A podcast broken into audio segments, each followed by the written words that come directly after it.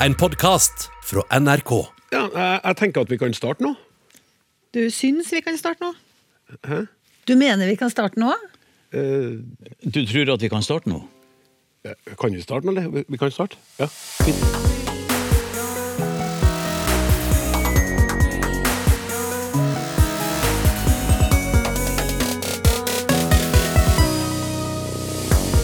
Spankulerer du noen gang rundt og lurer på hvor akkurat det ordet kommer fra?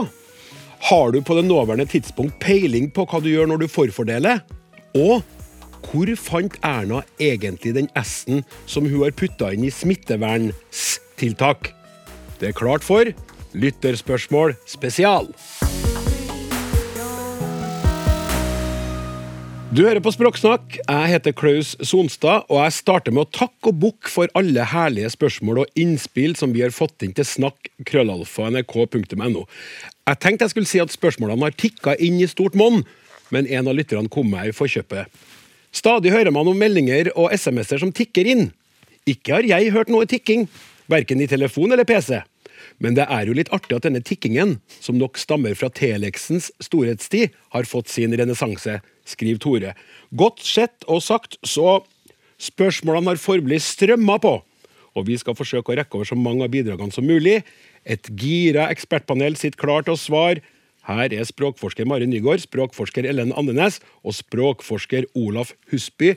Velkommen til dere. Tusen skal du takk. ha. Ja, Sitter litt sånn alvorlig og spent, alle tre.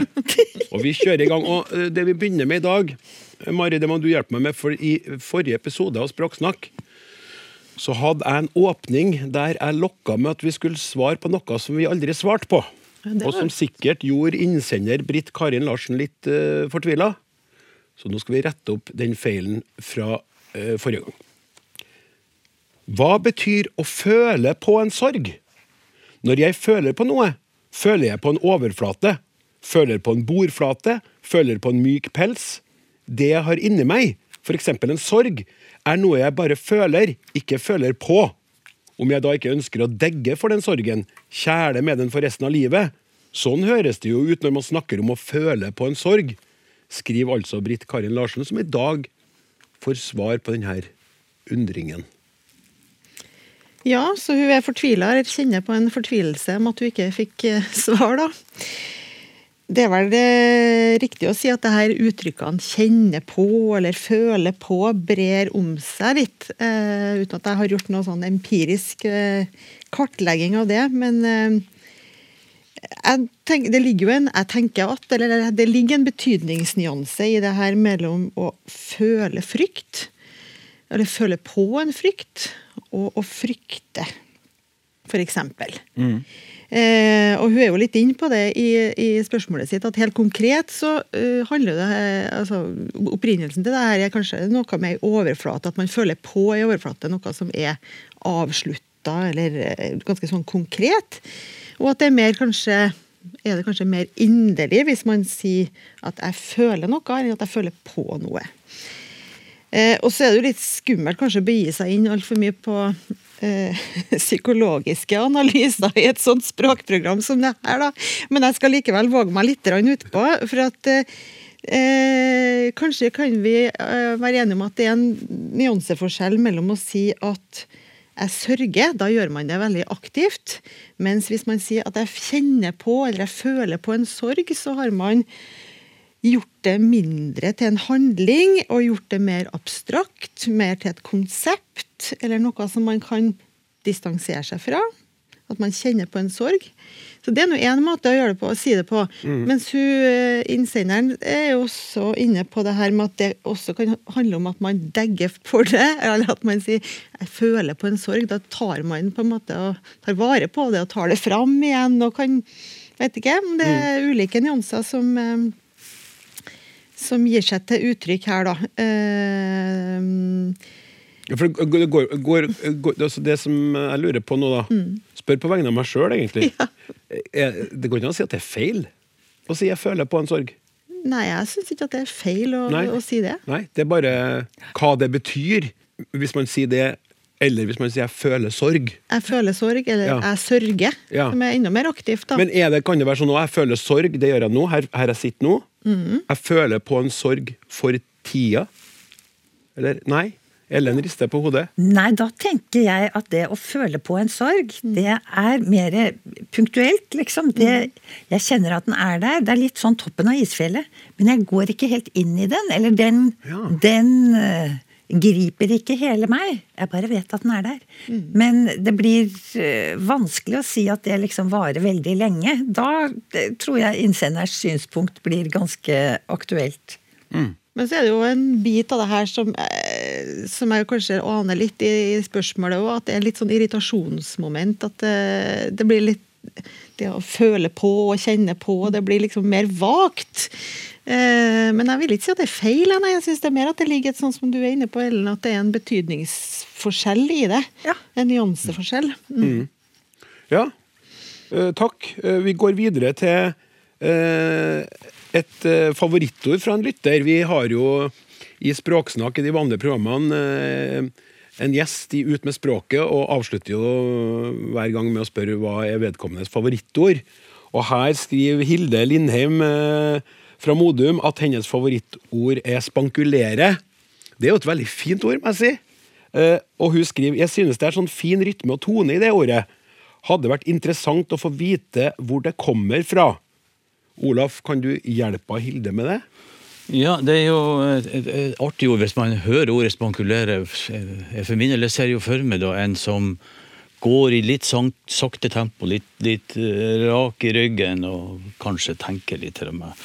Eh, og det her ordet har sitt opphav i et ord å, å spenne, altså i betydninga stram, rak, rett, så det passer jo bra med rett i ryggen når du er ute og går. Ja. Men, eh, og det, den, det hadde utvikla seg til et verv som heter spanke, som kanskje ikke er i bruk i dag. Og derifra hadde jeg da fått en, en, en latinsk eh, endelse, spankulere. Jeg trodde jo da at det her hadde sitt opphav i latin, hadde kommet til oss, men nå var jeg og så øh, Finnes det noe tysk verb, spankulieren? Og det finnes ikke. Man skulle jo forvente Eller et uh, på engelsk I want to spankulate. Spankulate. Ja. Der tenkte jeg, jeg tenkte plutselig på på noe annet, ja. Annet. Eh, uten at jeg skal si hva det var, men eh, det Ja, det- fantes det, heller ikke. heller ikke. Nei. Nei, Så det her er antagelig et slags, eh, en, en slags heimlaga ord. Det kunne vært artig å høre om lytterne har andre norske ord som de har på en måte utvikla til å høres litt finere ut. Ja, for spanke, sa du, er der.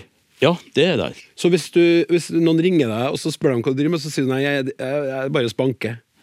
Ja, Da måtte, da måtte vi være den moderne formen, for jeg tror denne her gamle Ja, men jeg likte den veldig godt. Jeg, jeg har aldri hørt det før. Spanke. Jeg, det. jeg spanker litt. Ja. Ja, Men spankulerer, ja. Så, så, så vi er ikke helt sikre på opphavet, da. Nei, f- hvis jeg skulle gjette, kanskje en, en slags eh, konstruksjon som dukka opp i et, eh, i et eh, kreativt øyeblikk. Og så ble det så bra at vi, det her tar vi med. Ja. Kanskje framstår man som litt mer lærd, litt mer latinkyndig når man plutselig kan om, omgi seg med et sånt, ja. sånt ord. Fint at du kom med innspill på altså, Jeg ba om innspill fra lytterne på andre ord. Jeg håper at eh, Hilde nå slipper å spekulere noe mer på spankulere, mens hun er ute og spankulerer. Eh, Ellen, Ja. hei! Mange sier at et eller annet skjer med jevne mellomrom. Senest programlederen i Språksnakk i dag. Altså ikke i dag, da, men når det, den lytteren hørte uh, meg si det. Men hvor jevne er mellomrommene egentlig? Språksnakk sendes hver søndag, men i reprise ganske ofte, til faste tider, hvis jeg ikke tar feil. Så der kan man nok si at programmet sendes med jevne mellomrom. Men ellers vil jeg si at det er mer dekkende å si at noe skjer med ujevne mellomrom. Kommentar? Spørsmålstegn. Med vennlig hilsen Hilde Rognlien Johansen. Ja, får jo komme med en liten kommentar da, til Hilde. Og eh, jeg syns jo det var morsomt, jeg satte meg ned og måtte tenke litt på det her, da. Hvor jevne skal mellomrom være for at vi kan kalle dem jevne? Hva er det for noe, liksom? Fordi et mellomrom når det gjelder tid, det er jo den tiden eller avstanden som ligger mellom to tidspunkt eller hendelser eller handlinger. Og da Altså, jeg har ikke funnet liksom noen faglige utredninger av dette, så jeg tenker at her må vi bruke litt sånn vanlig folkevett og tenke at hvis det er noe som skjer sånn rundt regnet hvert tusende år, da kan avviket være ganske stort. Da behøver det ikke liksom være akkurat hvert 1000 år. Det kan være hvert 900 år kanskje noen ganger, og hvert 1100 år noen andre ganger. Men hvis vi snakker om å ja, hva skal vi si da? Eh, Å få skjenn med jevne mellomrom. Da, eller gjøre noe annet hvor liksom mellomrommene er korte. Da krever vi mer presisjon. At altså Er det hvert femte minutt, f.eks.? Eller er det hvert tusen år? Det er forskjell. Ja. Ja.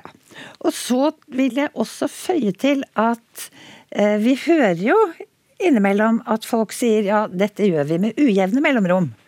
Og det blir på en måte en sånn liten varsling om at du må ikke regne med at dette kommer til å gjenta seg i en helt bestemt rytme, men det kommer til å skje flere ganger. Ja. Ja. Det, det kjenner jeg meg igjen i. Vi er med på sånn guttetur. Ja, er veldig ujevne mellomrom, men det, men det skjer. ja ikke sant. Du kan stole på at det skjer. Ja, Så syns jeg ofte, det her eh, vet ikke jeg bestemmer, men at jenteturer ofte skjer med mer jevne mellomrom. De er mer strukturert. Mer og planmessighet over det. Det er mer planmessighet over Ja. jentene sin planlegging. Ja. Ja. Ja, men det er en slags lovnad om at noe skal skje. Det, det kommer til å skje. Ja. Ja, det, og det er en regelmessighet, men ikke så regelmessig, på et vis. Ja, Ja. eller altså det kommer til å skje flere ganger. Jeg tror, jeg tror på en måte det kan hvile der. Ja. Ja. Vi lar det hvile der. Vi gjør det. Språksnakk med Klaus Sonstad. Språksnakk er programmet, og vi har lytterspørsmål spesial i dag. Og i studio sammen med meg, Klaus Sonstad, så er språkforsker Mari Nygaard, språkforsker Ellen Andenes og språkforsker Olaf Husby godt i gang med å svare på spørsmål fra dere lytterne. Og eh, det med lyttespørsmål har vi med nokså jevne mellomrom her i Språksnakk. Men det kan hende at det snart viser seg at det blir med ujevne mellomrom. Det skal jeg komme tilbake til. Men nå går vi videre til følgende eh, spørsmål. Slutter nordmenn å bøye adjektiv i flertall? Jeg legger stadig merke til at folk er lei istedenfor leie. Alle er glad istedenfor glade. Begge er sur istedenfor sure, osv. Dette skjer mest muntlig, men mer og mer også skriftlig. Er dette pga. dialektbruk, som f.eks. programlederens i Språksnakk? da? Slurv eller språkutvikling? Med hilsen Best regards Lidvar Saure. Ah, for et navn! Og for et fint spørsmål. Ja, begge deler. Ja. Både flott navn og eh, interessant eh, spørsmål, syns jeg. Ehm, jeg kan bare starte med min egen dialekt. Jeg har jo ingen forskjell på det her når jeg snakker. Eh, så jeg sier at eh, eh, hundene er løse, og de er løse i entall og flertall. Det det er ikke noe forskjell på det i, i den, det adjektivet. Eller eh, studentene er lei, og det kan være flertall også, som er innebygd i den formen. Sånn at eh, det er kanskje ikke usannsynlig at det er noen slags dialektal påvirkning for enkelte språkbrukere, i hvert fall da, som påvirker skrift. Eh, Så det, det vi må kanskje gå veien om her, er jo å snakke litt om skriftspråket, tror jeg. For det er jo, det her, det er jo der det eh, gjør seg gjeldende. Og det er jo egentlig innsender også inne på. Eh, Og da må vi jo si at det er jo lov, begge deler. Det er lov, og det, man må ikke samsvarsbøy i, i bokmål. Og heller ikke i norsk. Eh, så man kan si at man er, de er lei, og de er, de er leie. På, med adjektiv, da. Eh, og så er det eh, sånn at de, når adjektiv står i den posisjonen der, da, så heter det at de står i predikativ posisjon. Og Der kan man finne eh, adjektiv. Man kan også finne partisipper av verb, sånn som husene er bygd, eller husene er bygde. Eh, I nynorsk er det vanligere å bruke mer samsvarsbygging, men også lov der å ikke, ikke ha det, da. Eh, men jeg tenker at det er også en sånn liten betydningsforskjell her, da, hvis vi tenker på eksempelet f.eks. som 'hundene er løse' versus 'hundene er løs'. Så høres det kanskje ut, i hvert fall for meg, dere får noe nikk eller ikke nikk hvis dere, er, hvis dere er enige eller uenige, dere andre, da. Men at hvis du sier 'hundene er løse', så er det mer en slags egenskap som beskrives. At eh, de er ikke bundet fast. Men hvis du sier hundene er løse, så er det noe som har skjedd. Da er det bare å komme seg unna, for nå er det, nå er det en handling. De er sluppet løs. Blir litt som at helvete er løs, på en måte. Ja, på en måte. Det kan jo godt være for noen som er redd hunder. Ja, for noen. Ja. for noen som er redd hunder, så kan det framstå på, på den måten. Ehm, og du kan ha den Ja, hvis du tenker på andre eksempel, da, sånn som eh, tenåringene er, tenåringene er reserverte, så er jo det en egenskap. Mens eh, plassene, eller setene, eller jeg må si det på bokmål, for det er, Ja. i min dialekt så blir det jo ikke noe forskjell uansett. da. Men, for jeg ville jo sagt setene er reservert, og da, hadde jeg nok da hører du ikke forskjellen likevel. Men setene er reservert. Da er det noen som har reservert dem. Da er det en handling som har foregått. Eh, så da er det naturlig å ikke ha samsvarsbevis. Ja, for setene er reserverte, det, det er sånn litt spennende seter. Ja. Men Vil helst at du ikke skal sette deg der og Ja, da er, da er det vippseter. Da er det beskrivelse av setet, kanskje. sant? Ja. For da er det noen som de er, Det er type VIP. Eller eh, Ja.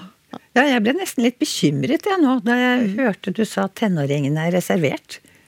ja. For da tenker jeg oi, hvem har bestilt dem, og til hva? Ja, Ja.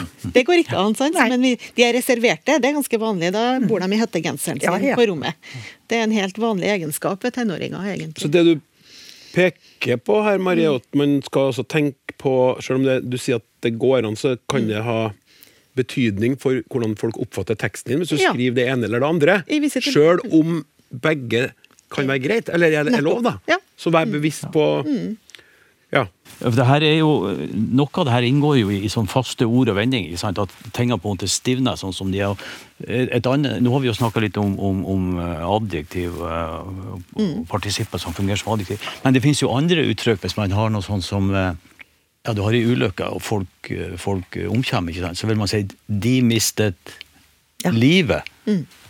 Men de er jo mange, og vi vil antagelig aldri si 'de mistet livene sine'. ikke sant? Sjøl om det er et flertall av liv som går med. Sånn at her er, her er eh, språket på en måte frøset i ei form som vi beholder.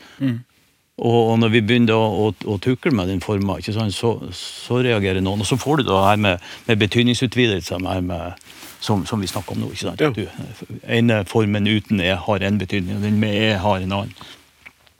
ja. Uh, fint, Olaf. Vi skal over til et spørsmål som er retta til deg nå.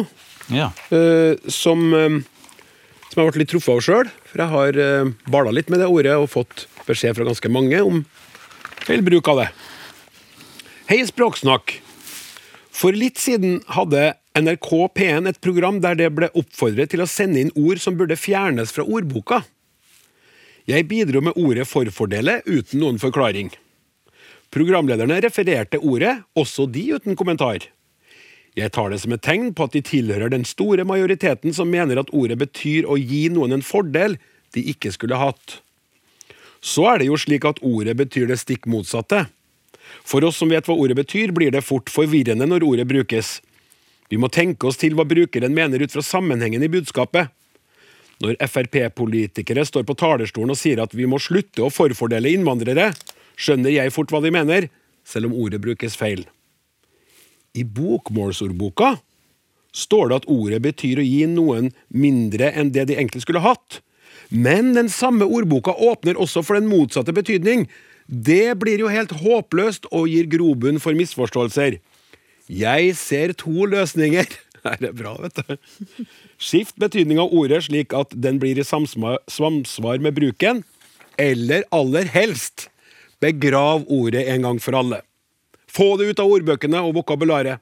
Arranger en offentlig begravelse nå når tæla har gått ut av jorda, gjerne i vigsla jord, med stort presseoppbud. Beste hilsen Øyvind Meisfjord. ja. Ja. Jeg har jo en mistanke om at jeg har sett ryggen hans Øyvind gjennom mange år på gymnaset for lenge siden. Så nå Å, Ja. sier du det? Dersom det ikke finnes to Øyvind Meisfjord, selvsagt. Ja. Eh, det her er jo eh, ord som man kaller for pendelord. Og han har jo på en måte demonstrert det ved å vise til bokmålsordboka. De kan ha én betydning, og så kan pennen slå andre veien, så har de en annen betydning. Og det her er nok et ord som er i ferd med å, å skifte betydning, og det har bokmålsordboka fanga opp. da. Og det er klart, eh, det er jo to deler. Det er jo for og fordel. Og fordel angir jo noe, noe positivt. Og der leddet framfor da for Ofte så angir jo det noe som kommer før noe annet. ikke sant? Du har eh, et fortrinn, altså ett trinn lenger fram. Du har forsmak, altså litt før, og du har forhånd osv. Så, videre. så det er noe at jeg tror kanskje den det forleddet der som, for, som forstyrrer litt her. Det trekker altså en fordel foran. Det, det blir den nye forståelsen av ordet. Og så eh, høres det jo Jeg syns jo egentlig det høres ganske rimelig ut, en sånn fortolkning. Og så er det vel mange andre som synes det òg, og, så- og så tar vi ordet i bruk i den nye betydninga. Ja, fordi eh, det jeg viste i sted, jeg skrev en post på eh, Fjesboka som ble delt av ganske mange, og der kom det mye kommentarer på at jeg brukte Ja. forfordelt feil. Ja. Veldig mye. Men det var ikke så mange som folk som hadde likt og, og kommentert ellers. Så, det, så det, det er mange som kjøpte ordet, eller forsto det sånn som jeg forsto det også. Så Men- da har det en, den pendel Det visste ikke at det var en sånn pendel Men det starta vel som Det starter med at noen får minner, og så er det da forledet for som måtte få det til å skifte betydning. Og vi har, det, vi har mange sånne ord som skifter betydning. Eh, når jeg gikk på skolen, så var bjørntjeneste var noe som var velment, men som egentlig fikk en veldig negativt utfall. I dag er det en stor tjeneste. Jeg har eh, krokodilletårer, ikke sant, som var en slags falske tårer. Nå er det vel store tårer. Da. Vi har eh, Ja, vi kommer vel inn på ordet å tenke, ikke sant, som kanskje var en mental aktivitet. Jeg føler at vi skal vente litt med det. Ja. ja jeg skal ikke. Vi har kvantesprang, for eksempel. Ja. Ja. For det tror jeg nok at folk tror er et veldig stort sprang. Det er sånn vi bruker det, men i virkeligheten er det bitte, bitte, bitte, bitte, bitte lite. Ja. Og jeg må flire for jeg vet jo godt det, at et kvantesprang er et knøtta lite sprang. Men allikevel så kan jeg observere at ordet kommer ut av munnen min i den nye betydningen. ja. ja. Ja. Det der er fascinerende, rett og slett. En av de mange, mange mange tingene med språket vårt som er fascinerende. fascinerende. Kan du ta noen flere? Ja, veldig gjerne. Patetisk. Til altså, en gripende historie, fortelling, skjebne.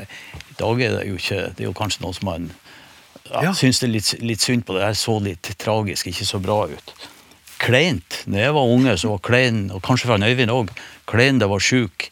Ja. I dag er jo kleint noe som er pinlig. Flut, ja. Ja, ja, men da er det at situasjonen er litt sjuk, ikke sant? ja, ja, ja, kan- ja, ja. Situasjonen eller Ja. relasjonen blir litt sjuk. Ja.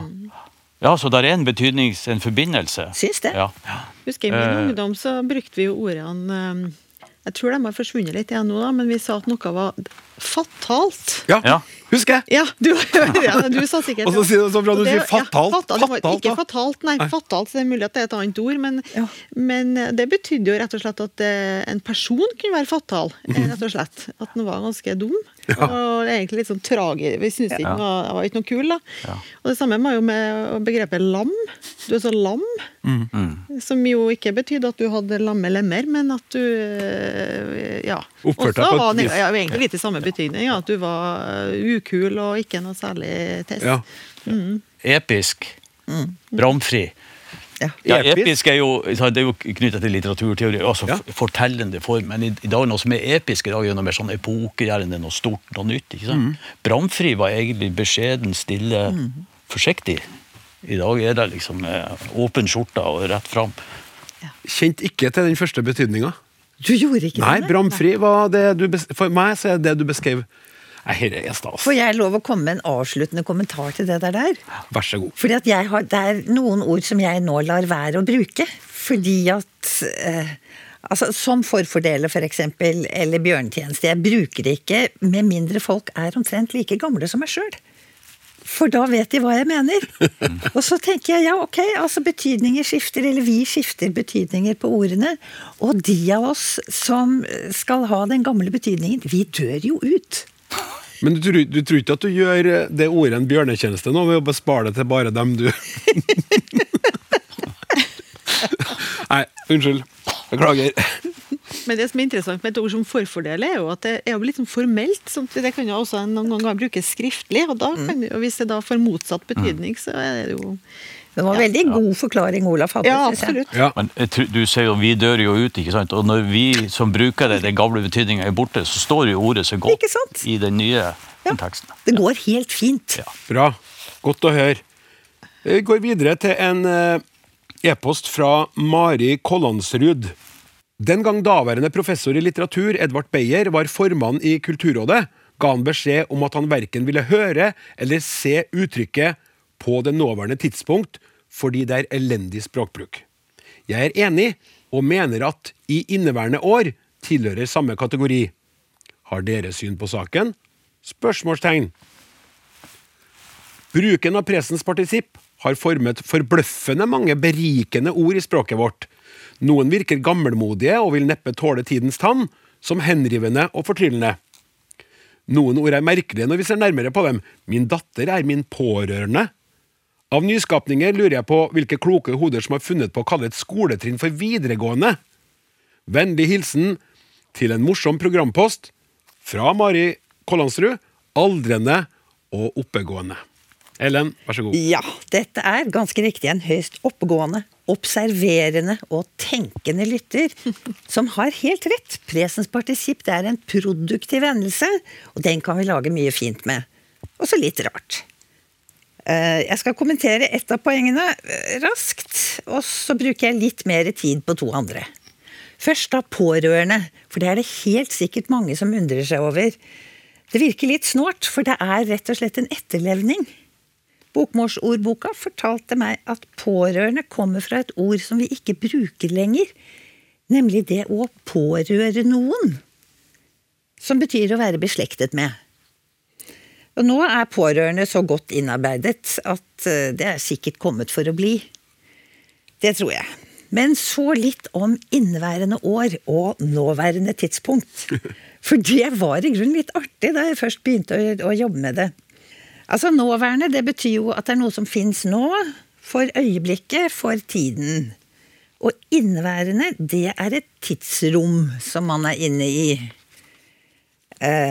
Og dette er jo uttrykk som kan virke litt omstendelige, da.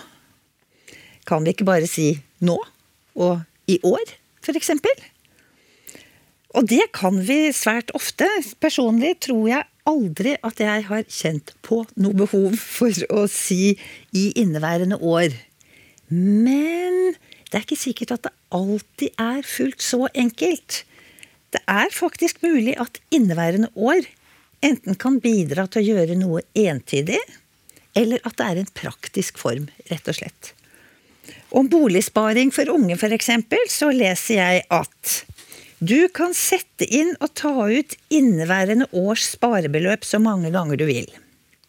Og i en tekst hos Nav om noen meget kompliserte beregninger står det alle inntekter som du forventer å få i inneværende år, og som er tjent opp etter første uttak av AFP ikke sant? Det er, det er gærent nok som det er. Og jeg satte meg ned, for jeg tenkte at jeg må kunne lage en god omskriving av i inneværende år i den teksten. Og det må jeg si var en usedvanlig skuffende øvelse. Virkelig. Ja. Eh, Ja. Det korteste og mest presise entydige jeg fant, var denne konstruksjonen. Hør nå. Alle inntekter som du forventer å få i det året du er inne i når beregningen skal gjøres. Det ble 18 ord istedenfor 10. ja. Og det syns ikke jeg var noe stort fremskritt, rett og slett. Eh, og tilsvarende for denne formuleringen om boligsparing. Så altså, disse orda har sin rett. I noen sammenhenger. Om vi egentlig trenger dem så veldig i dagligtalen, det tror jeg kanskje ikke. Er ikke nettopp det som, Hvis man skal beskrive den grammatiske formen presens partisipp, så sier man gjerne at det er noe som, noe som har begynt, og som varer ved. Eller til et visst sluttpunkt. da, og Det er jo egentlig Ja, ja. gjeldende altså Hvis du sammenligner det skjer nå, og det skjer inneværende år, så er det fram til f.eks. du har frist fram til nyttår da, Ja, i det inneværende Ja, året. ja. Så da fortsetter det litt, selv om det er her og nå, så er det likevel en varighet over det. Men i veldig mange sammenhenger så klarer vi oss jo fint med å si Ja, i år. Men så var det det med videregående opplæring. Eh, altså skolen. Og ordet trinn brukt om skole, det er det lett å gå seg vill i. Og det er kanskje det som har skjedd her, siden lytteren skriver om videregående skole som et trinn. For det er det jo ikke. Eh, eller det er ikke helt presist, da. betegnelsen videregående skole, den er ikke så rar. Når man husker på at norsk skole er grunnleggende delt opp i grunnskole og videregående skole. Og så er hver av disse igjen delt opp i trinn. Grunnskolen har sju barnetrinn og tre ungdomstrinn, ikke sant? og videregående skole har også forskjellige trinn. Og etter videregående skole så kan man eventuelt ta høyere utdanning. Akkurat hvem som fant på denne betegnelsen, det vet jeg ikke, men den er relativt ny, eller altså i mitt perspektiv. Den oppsto på slutten av 1970-tallet. Som betegnelse på den formen for videregående opplæring, altså opplæring utover grunnskolen, som foregår i skolen. For før det så var det et mye mer mangfoldig landskap, rett og slett, med mange forskjellige skoler og institusjoner for yrkesutdanning. Og da vi innførte videregående skole, så kvittet vi oss også med de gamle begrepene yrkesskole, gymnas, eksamen artium og sånn. Så da håper jeg at eh, den tenkende og oppegående lytteren syns hun har fått svar. Ja, Det må jeg tro. På det nåværende tidspunkt så sier vi oss fornøyd med svaret ditt, Ellen. Uansett. Språksnakk Og så skal vi over til to eh, innspill fra alle lytterne våre som handler om det samme. Og det her eh, går til hele panelet. Hei, språksnakk, Språksnakket. Jeg har i dag lyttet på dere om uttrykket 'i forhold til'. Takk for interessant diskusjon. Jeg har også irritert meg, men det skal jeg slutte med. Jeg skal heller passe enda bedre på meg selv. Den metoden jeg også bruker nå for tida. Så til poenget. Men det er et annet uttrykk jeg, skulle, jeg også skulle ønske dere kunne diskutere, nemlig 'jeg tenker'. Jeg hører nesten aldri noen som tør si verken på TV eller radio. Jeg mener, jeg tror, jeg ønsker, jeg vil, jeg synes, osv. Hva kommer det av, tror dere? Med vennlig hilsen Liv Michaelsen, Larkollen. Og i samme eh, kategori, om det samme Hei, Språksnakk! Jeg har registrert en del interessante endringer skråstrek fenomener i norske språket de siste årene. Jeg tenker at I løpet av de siste årene ser det ut til at halve Norge har falt i jeg tenker at-gryta. Hører mye på P2, og der tenker de at hele dagen. Det er ikke måte på hvor populær denne formuleringen har blitt, både blant politikere og diverse synsere og eksperter som uttaler seg i studio. Det at godt voksne mennesker til de grader endrer sin måte å uttrykke seg på, må vel være et interessant fenomen? Har forsket litt i norske tekstbaser, og i løpet av de ti siste årene har denne formuleringen femdoblet seg, mens synes at, mener at, tror at holder seg ganske jevnt i samme tidsrom. Ellers vil jeg bare si at det er en fornøyelse å høre på folk med godt språk. Hvis man vil bli tatt seriøst og nå ut med det man har på hjertet, bør man forsøke å formulere seg bra, mener jeg. Beste hilsen Tore. Det var forresten han som eh, nevnte med tikkinga i starten, da. Så kjære panel, jeg tenker at Nei! Jeg mener at dere bør kunne svare på det her. Vi skal i hvert fall kommentere det, fordi at det er jo mange som har tenkt på dette. Og det er veldig mange som syns, tror og mener, og til og med føler noe om det. Eh, og jeg fant noe som jeg har lyst til å rett og slett sitere for dere, fra journalisten Inge Merete Hobbelstad. Hun kommenterte akkurat dette her i 2015. Og da spurte hun må man holde seg til de klassiske 'jeg syns, tror eller mener', eller må man gjøre det for bestandig? For det er en nyanse, mente hun. Jeg tenker at fanger opp noe som ikke helt dekkes av å mene, syns eller tro. Det du tenker er ikke fullt så vagt som det du tror, men det har heller ikke størknet til å bli noe så håndfast som en mening eller et synspunkt. Det er åpnere, det kan beskrive en assosiasjonsrekke, en interessant plutselig parallell som faller deg inn. Ofte føles det mer beskrivende for hva som faktisk skjer inni et hode, enn de tre andre verbene. Det skrev hun, og det syns jeg var et veldig fint poeng. Så lenge vi snakker om et nytt tilskudd. Altså Nå nikkes det ivrig fra dine ja. språkforskerkolleger her, også. Så det, det, det traff eh. Ja, jeg, jeg, har lyst til Da Vi fikk jo det her spørsmålet, og så begynte, eh, begynte jeg å tenke litt på det, da. og ha det liksom med meg i bakhodet. Og må innrømme at først så gikk jeg inn i det her med liksom, ja, det her har jo bredt om seg, og jeg bruker det sikkert for mye og sånn. Men så må jeg komme med en bekjennelse at jeg bruker det nok akkurat sånn som eh, det beskrives her. eh, som et tilskudd, f.eks. i møter der jeg ønsker at vi skal ha refleksjon sammen, der jeg ikke ønsker å, jeg ønsker å bringe inn mitt synspunkt, men jeg ønsker ikke at det skal være en konklusjon, jeg ønsker at det skal være et oppspill til at vi skal tenke videre sammen, eller videre. Og det er jo litt i tråd med det hun beskriver her. Eh, det er ikke bare at jeg tror noe, jeg har en, en viss retning på det. Det er litt mer enn at jeg tror det. Eh, Jeg mener det kanskje egentlig litt, men jeg ønsker å invitere andre inn. Det er ikke liksom et så krast debattinnlegg, da. Hvor kommer det her ifra? Ikke sant? Det er jo noe som, som eh, er nytt, og som folk reagerer på. Jeg vet ikke om, om, om Det er jo fort gjort å tenke på engelsk her. At det er et engelsk 'think' som kanskje har blitt oversatt til, til eh, 'tenke'. da, og, og, jeg vet ikke. Jeg, vet bare fra min tid som, som lærer for folk som skulle lære norsk, så hadde vi altså fire ord som vi sleit med, og det var tro, synes, tenke og mene. Ja. For de kunne jo fort si om noe som de ikke hadde erfaring om. Altså en kino som skulle gå i kveld. Jeg synes filmen er god. ja. Men synes betinger at du har erfaring, ikke sant? Tro, da har du ikke erfaring. Sånn at, og det var på en måte, boksene var veldig klart eh, definert. Å tenke i det perspektivet var da referert til en, en mental aktivitet, ikke sant?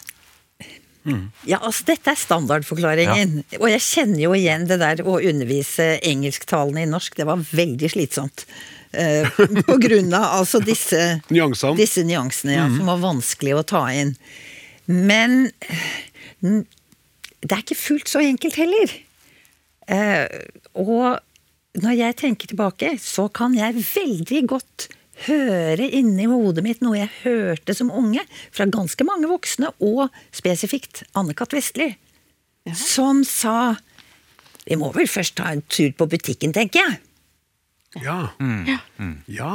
Og det var veldig vanlig. Sånn at altså, tenker jeg har vært mye mer sidestilt, disse andre syns, tro, mene, eh, enn det er nå. Det som lytterne ergrer seg over, det er jo sant, at det breier seg så innmari. Sånn at det blir ikke noe tilskudd. Det blir mer et sånt erobringstokt. Ja, kan, men kan det også være at uh, i tillegg til de her fine poengene som dere kommer med, til, er det at en lytter ønsker at man skal være mer konkret, mens tenke høres ut som en sånn forbeholdsord? At man da tar et lite forbehold om det man kommer med som en ytring. Jeg tenker at eh, Og så sier man noe, ikke sant? Og så tenker lytteren ja, men hvis du hadde sagt 'jeg mener', eller altså det, Er det sånn, da, hvis du tenk, bare tenker det? Er det nok? Er det konkret nok for oss? Virker jo som lytteren egentlig irriterer seg over at folk ikke står for standpunktene sine. Ja. Liksom. Ja, for lytteren, den første lytteren mm. leste opp, hun skriver 'folk tør ikke lenger'.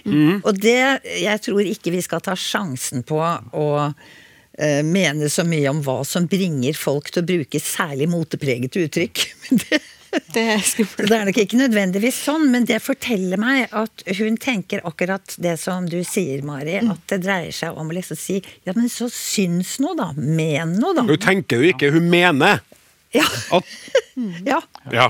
rett og slett. ja. Nei, men det var f Men jeg tenker at min, men, si det. Men eh, den eh, nyansen som kommer inn, er jo at man tør å mene noe, men også invitere andre til å mene noe, sånn at det blir litt mindre bastant. Så det er litt sånn samtalemarkør også, på et vis. Jeg mener du at du ikke ville f Altså at det ville vært mer bestand, bastant om du sa i en diskusjon på jobben at 'jeg syns at sånn og sånn'? Ja, fordi at f- jeg tror ja. Jeg, sy syns at uh, Mari har et poeng, sånn som jeg opplevde det i møter. At hvis noen, noen er, at tenke er litt åpnere, litt mer forsiktig, og at syns Ja. eller mene er da, Da har du bestemt deg kan litt det for være hvilken tøffere å gå retning imot. du skal, mens jeg tenker jeg kan være litt sånn eh, Ja, men det er også en faktor inni det her, og det har vi, har vi tatt stilling til de ulike faktorene. Jeg vet ikke helt, jeg har ikke bestemt meg helt for hva jeg mener ennå. Men eh, her er de ulike eh, momentene vi må Det er tenke på. poeng, da. Ja. Ja, så kan Men, vi eh, se hva som skjer. Ja, jeg mener at det vil være interessant å høre fra lytterne hvis de har noe tanker om det her. Absolutt. Da skriver du til snakk, krøllalfa, nrk.no.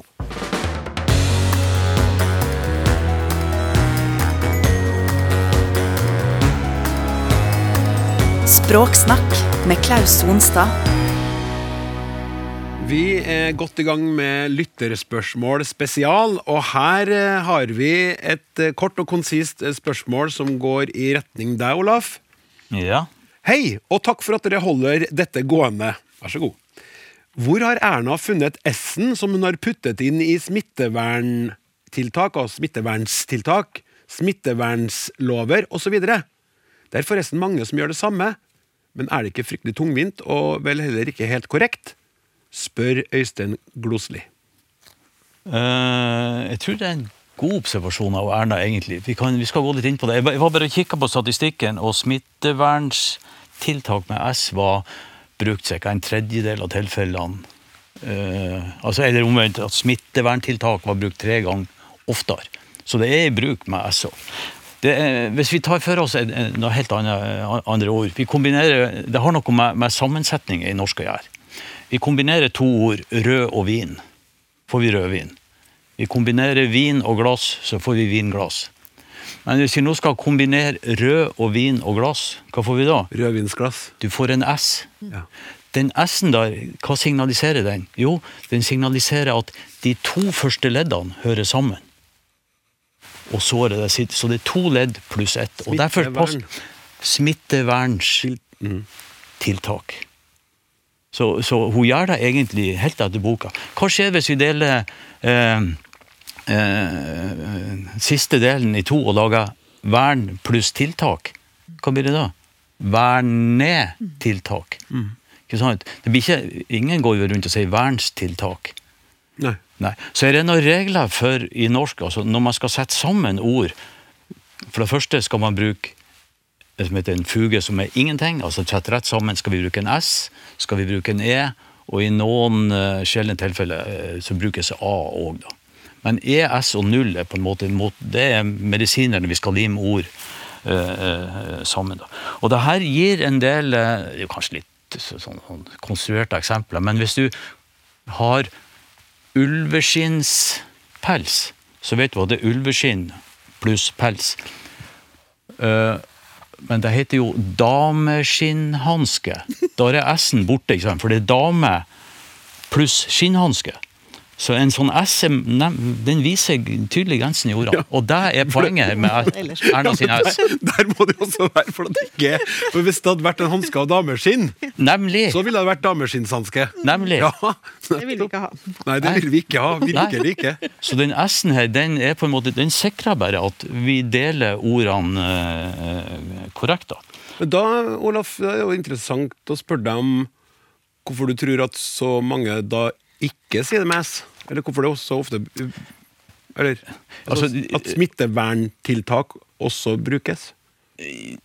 Det, jeg antar hvis du kikker i Dette Det her det vet jeg ikke, men altså, er det jo flere teorier på, eller flere forklaringer hvorfor de her lydene brukes, og hvorfor vi bruker den ene og den andre.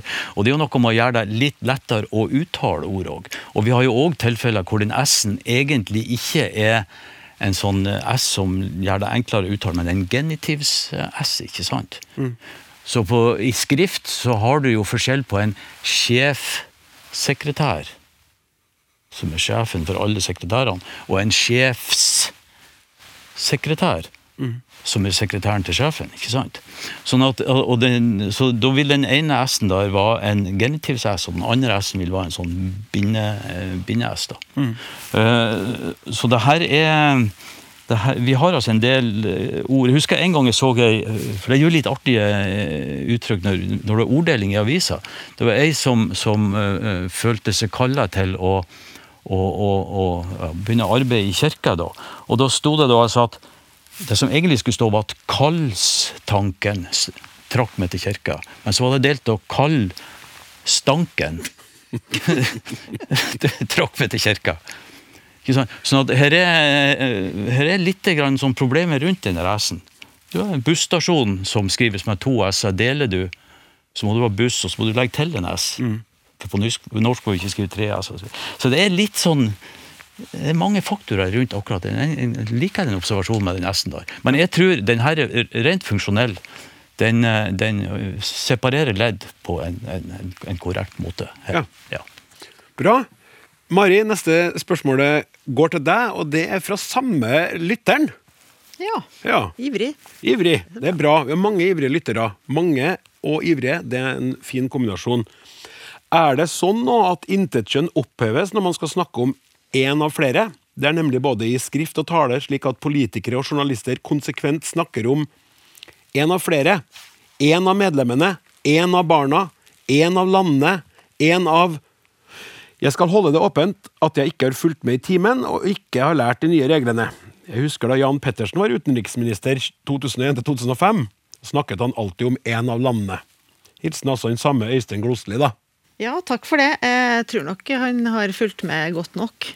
Eh, Intetkjønn har ikke forsvunnet fra normert, eh, normert eh, bokmål og nynorsk. Eller, så, sånn sett Ja. Men det her er jo et spennende spørsmål likevel. At, at vi får den typen Jeg måtte jo jeg måtte inn og google. Da jeg fant noen treff på en av landene.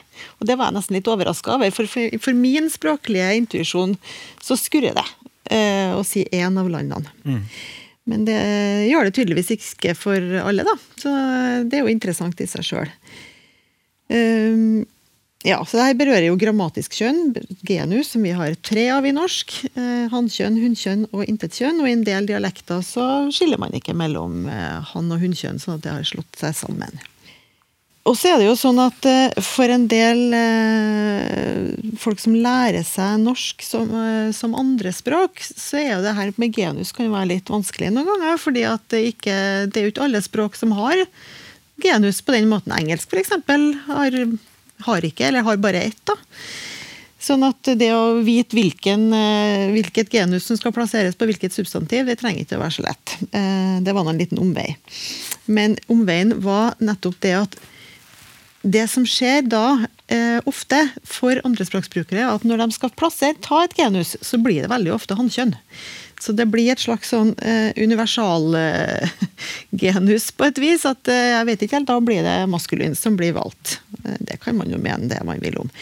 Eh, men det er nå bare grammatikken, det her, da. Eh, eh, sånn at Men det er det som jeg tenker kanskje skjer i, i de tilfellene her. Eh, hvis du har én av barna, så er det kanskje betydninga som spiller inn. Sant? Og du tenker på barn som noe som ikke er nøytrum eller intetkjønn sånn i person. Selv om det er ett barn, så er det nå visselig en gutt eller en jente. Eh, eller, sånn da er det naturlig kanskje å si én.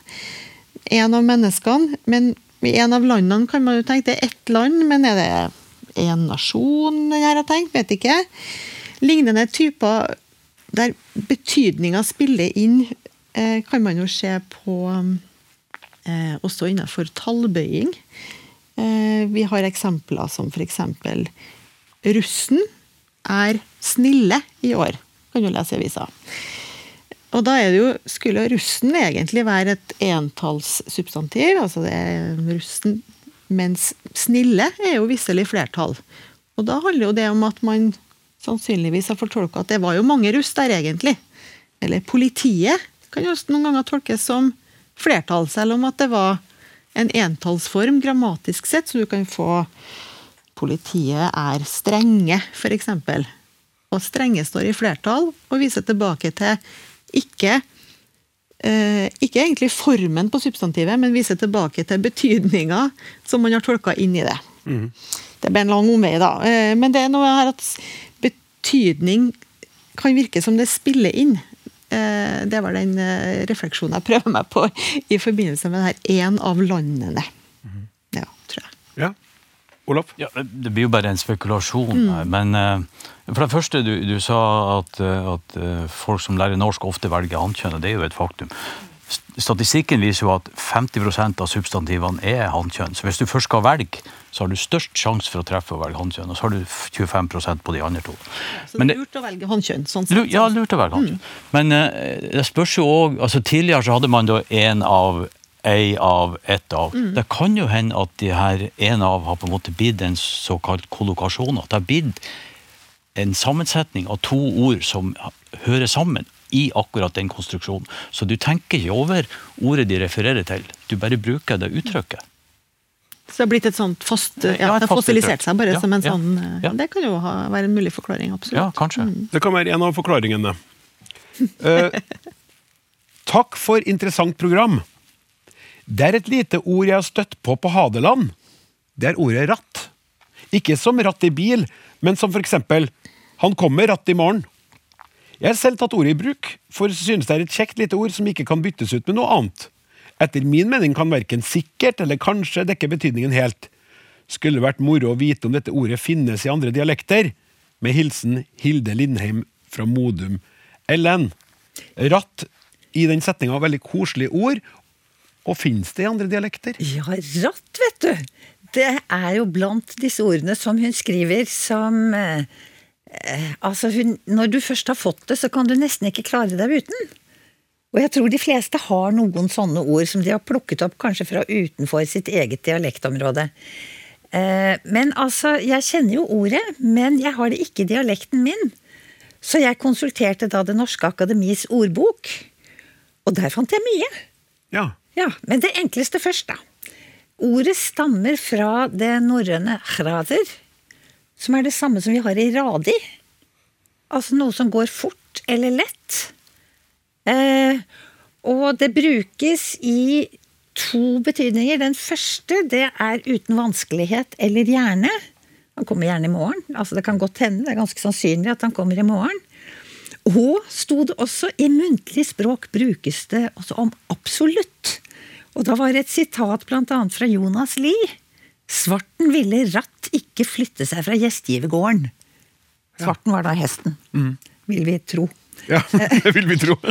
Det som forundra meg, det var at det var så mange litterære sitat med ratt. For det var ikke jeg klar over. Så jeg tenker at dette ordet, det må ha eh, jeg holdt på å si fordampet litt og blitt mindre vanlig, men det er jo i beste velgående i mange norske dialekter, da. Heldigvis. Så fint. Ja. Og kanskje er det her altså Når vi får den her, kanskje så er det et av de ordene som kan nesten fra å fordampe helt, komme tilbake? Det skulle ikke forundre meg, og det er jeg veldig nysgjerrig på, og som det ville være kult om noen lyttere skrev inn om. Altså de som selv har det i dagligspråket sitt. Om de skrev inn noe om hva slags betydning bruker jeg det i? Fordi at når ting ikke forekommer så ofte i standardisert skriftspråk, så er det jo også virkelig åpent hvor det får hva slags betydninger heftet til seg, og det er så gøy.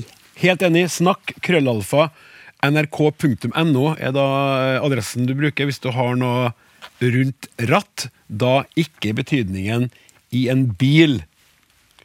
Eller det kan være eh, betydningen i en bil men det er ikke bilrattet. Nå må jeg passe meg litt her.